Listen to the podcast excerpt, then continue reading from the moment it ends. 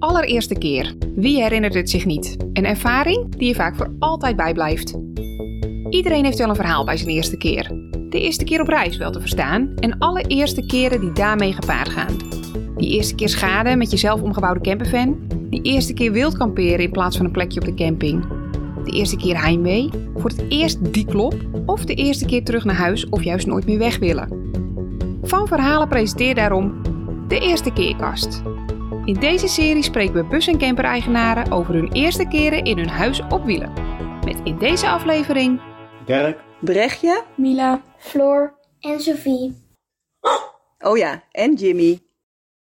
Nadat ze jaren geleden ervaren hadden hoe fijn het is om in een campervan rond te reizen, besloten Dirk en Brechtje de liefde voor het camperleven voort te zetten in Nederland. In eerste instantie werd het vrije leven gezocht en gevonden in een woonboerderij, maar al snel stond er een iets grotere gezinscamper op het erf om met hun club kinderen en hond Europa te verkennen.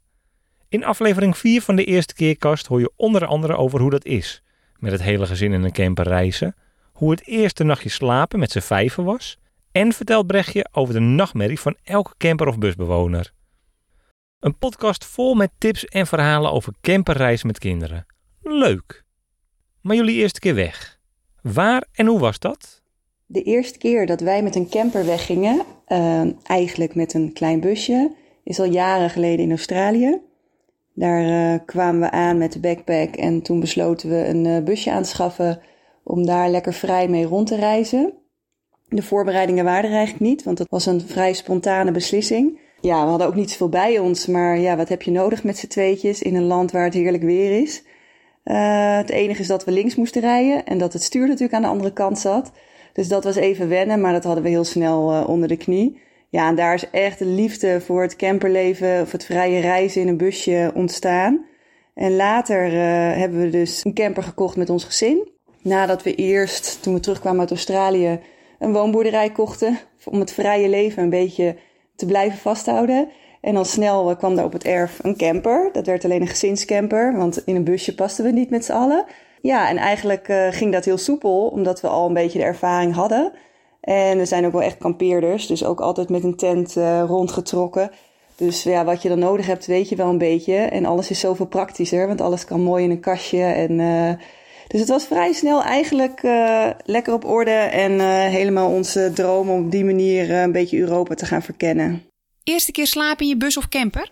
Nou, de eerste keer dat we met z'n vijven sliepen in de camper ging eigenlijk prima. Want we hadden van tevoren daar wel even goed over nagedacht. Uh, de camper staat bij ons dus op het erf. Dus we hadden in de winter uh, hem aangeschaft. En alle tijd om uh, eraan te klussen. de meeste campers zijn niet echt geschikt voor vijf personen. Althans, als je niet te grote camper wil. En we hadden een kleine alcove camper gekocht. Die nou ja, ruim vijf meter in lengte was. Maar waar niet al vijf vaste bedden in zaten. Nou heb ik gelukkig een hele handige man, dus die heeft een uh, wegklapbaar stapelbedje gemaakt. En daarnaast kon uh, de zitgroep natuurlijk naar beneden, zoals in veel campers. En daar sliep ook een kind. En nog in een uh, zitgroepje achterin hadden we ook een bed van gemaakt. Een tweepersoonsbed in de alkoof. Dus zo konden we met z'n vijven slapen.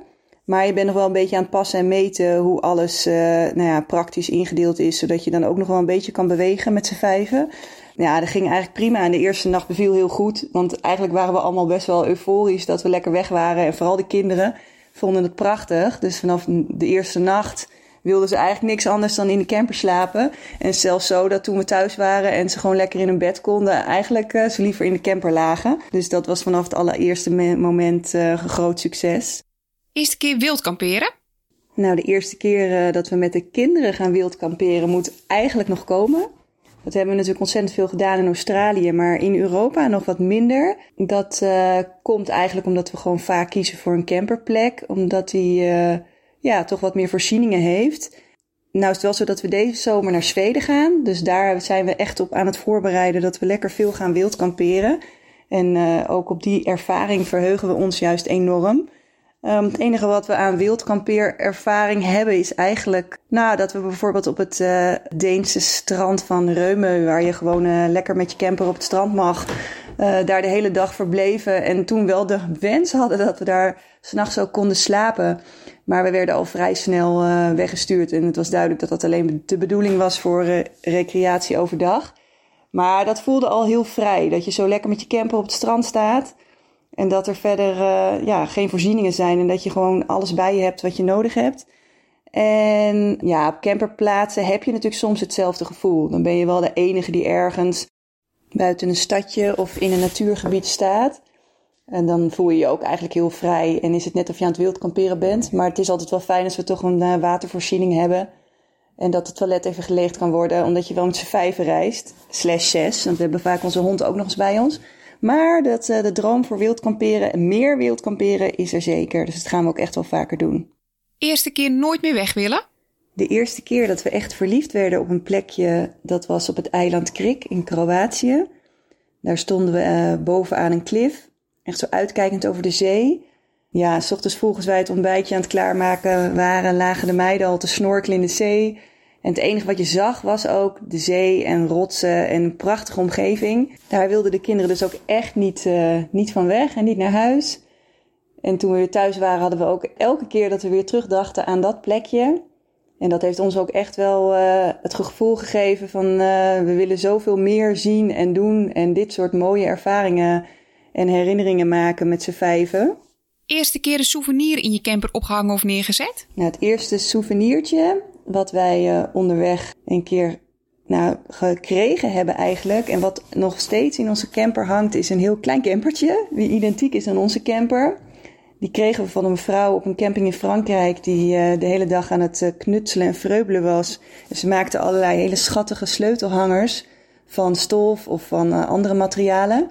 En op de ochtend dat wij vertrokken kwam ze naar ons toe lopen en had ze dus onze camper identiek nagemaakt van een klein lapje vilt. Dat had ze opgevuld met watten, denk ik. Waardoor het echt zo'n heel leuk uh, ja, sleutelhangertje was. In de vorm en in de kleuren van onze camper. Nou, die hangt vanaf dat moment eigenlijk bij ons aan de spiegel. En inmiddels zijn we nou ja, verhuisd naar een andere camper. Maar hangt dat sleutelhandje er nog steeds. Want dat zijn echt de meest bijzondere en leukere herinneringen. Die je gewoon voor altijd met je meeneemt. Eerste keer niet blij met je slaapplek? Eerste keer dat wij echt niet blij waren met een slaapplek. En als ik daaraan terugdenk, dan krijg ik nog steeds kippenvel was bij een benzinestation in de buurt van Monaco. We waren eigenlijk onderweg van Spanje en we wilden zo doorsteken via de kustlijn van Zuid-Frankrijk uh, Italië in. En we hadden overdag van alles gedaan en we dachten we gaan lekker s'avonds een stuk rijden. Dat doen we wel vaker met de kinderen. En dan uh, ergens stoppen voor de nacht en dan de volgende ochtend gewoon weer lekker uh, op pad om leuke dingen te doen. Dus we stopten volgens mij pas echt midden in de nacht bij een benzinestation, wat we eigenlijk nooit doen. Maar we gingen er tanken en er stonden best wel veel uh, mensen die daar aan het slapen waren. We zagen echt auto's waar mensen in sliepen. En natuurlijk altijd de, de vrachtwagens, maar er stonden caravans. Nou ja, wij zetten die van ons ertussen. En ik merkte al dat ik heel onrustig sliep. Ik, allerlei geluiden. Het is natuurlijk bij een benzinestation veel onrustiger. En ik werd wakker s'nachts en ik keek eigenlijk naar de deur. En op dat moment zie ik het slot vanuit de binnenkant heel langzaam opendraaien.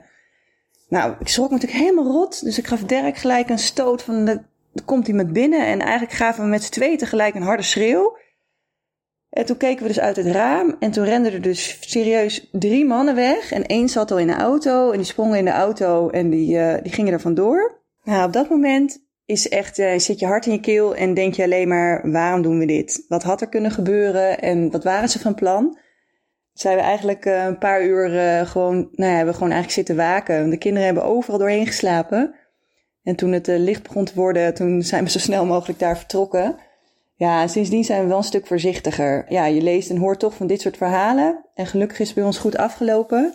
Maar voor ons geen benzinestation avonturen meer. Eerste keer schade? Twee jaar geleden in de zomer is het een keer is het echt goed misgegaan. Toen waren we onderweg naar Italië. En het was die zomer dat het zo ontzettend bloedheet was. En we vertrokken eigenlijk al met 40 graden. En uh, we reden in, uh, in Duitsland op de snelweg. En we hoorden echt een keiharde klap. En per direct kwam er allemaal rook naar binnen. Nou ja, onder de motorkap door, maar ook echt via de ventilatiegaten de camper in. Nou, toen hebben we heel snel de camper aan de weg aan de, op de vluchtstrook gezet. En het enige wat ik echt dacht, nou, de kinderen moeten eruit, de kinderen moeten eruit. Dus eruit, eruit, eruit stonden we allemaal op ons blote voeten, want het was bloedheet. Dus we hadden echt geen schoenen aan. En we waren in de gauwigheid zelfs de slippers uh, vergeten te grijpen. stonden we daar op het asfalt. En uh, nou, er bleef allemaal rook onder de motorkap vandaan komen. En nou ja, het enige wat ik dacht, oké, dit is echt uh, fataal. Tenminste, de camper staat op het, moment, op het punt van ontploffen. En uh, nou, het is gewoon klaar.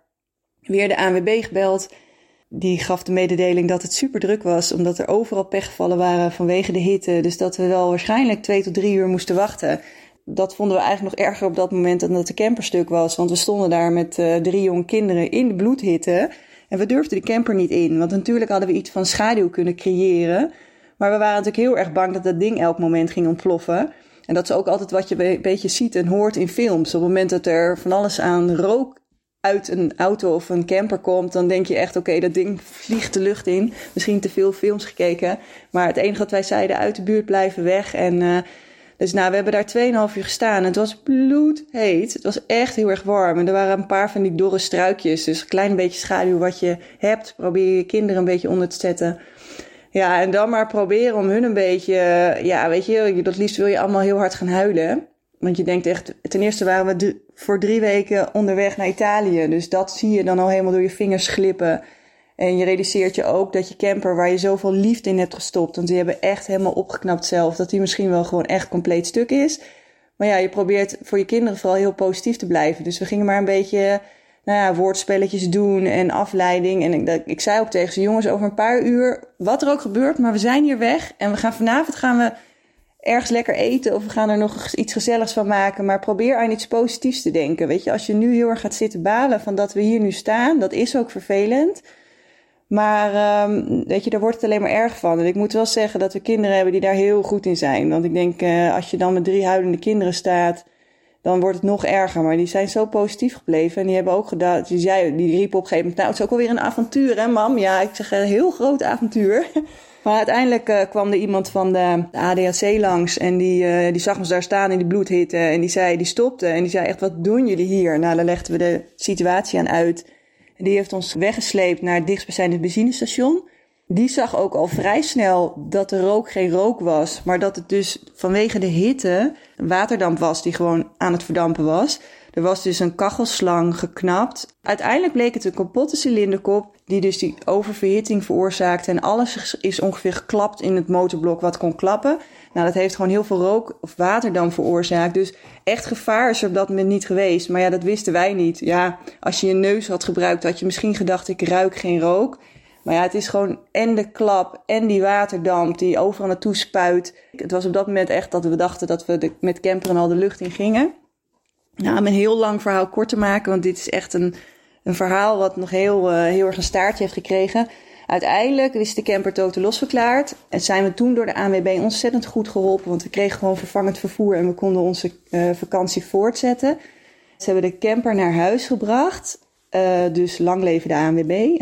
Altijd vervangend vervoer en uh, pechhulp buitenland afsluiten.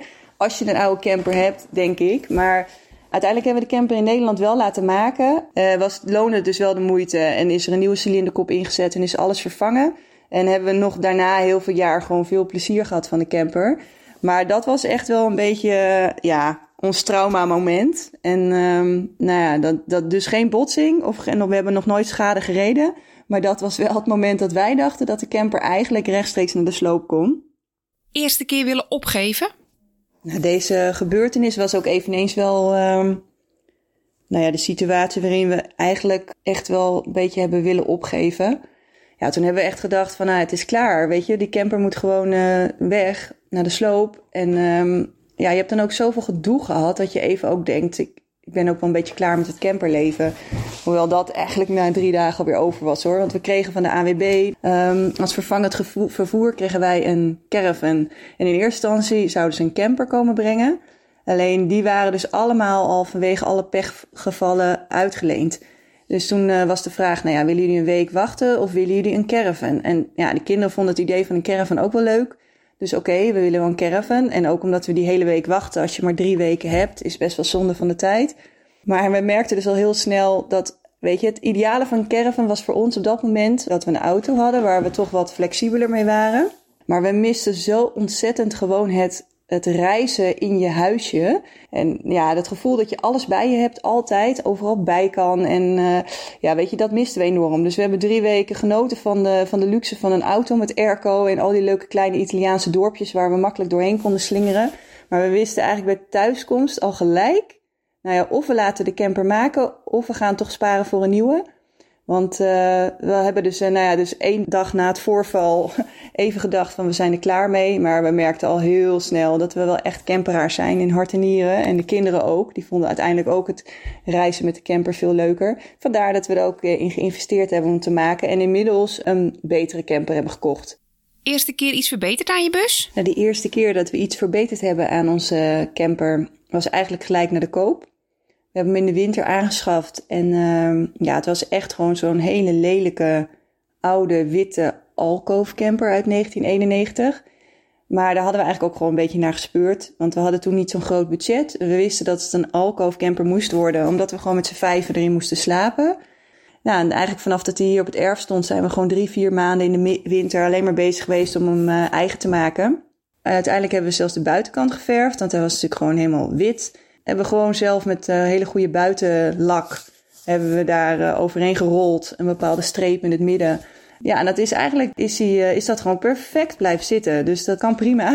nou ja, vanaf dat moment was hij gewoon helemaal eigen. En merk ik ook dat je mensen je gingen herkennen aan je camper. Heeft hij ook bij Caravanity op de site gestaan. Het was gewoon heel erg leuk. En dat was ook trouwens wel de inspiratie. Want wij zijn ook wel een beetje begonnen met online kijken. Hoe doen andere mensen dat? Onder andere bij Caravanity of bij Pinterest. Maar je maakte toch een beetje je eigen ding van. En uh, ja, weet je, het was gewoon hartstikke leuk. Want de kinderen gingen ook allemaal dingetjes knutselen die we weer binnen ophingen. En ze hebben ook echt wel geholpen met de buitenkant verven. Dat ik ze ook die roller gaf van, uh, nou ja, doe jij dat vlak maar. Weet je, het gevoel dat iedereen er een bijdrage aan had geleverd... heeft het ook gemaakt dat het echt ons huisje was. In deze eerste keerkast hoorde je het verhaal van Dirk en Brechtje. Benieuwd naar de gezichten bij het verhaal? Vind ze op instagram.com slash tentravelingfeed. Benieuwd naar ons? Floor en Thijs? Wij zijn instagram.com slash vanverhalen. Vond je dit een leuke aflevering? Benieuwd naar nog veel meer fan- en camperlijf verhalen of onze reguliere Van Verhalen reis- en fanlifestyle podcast?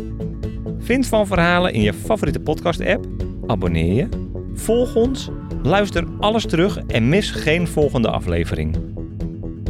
Luister jij nu toevallig via Apple Podcasts en spaar jij toevallig karma-punten? Laat dan vooral een leuk berichtje en wat sterren bij ons achter. Dit zorgt ervoor dat wij nog iets beter gevonden worden en onze verhalen nog iets beter kwijt kunnen.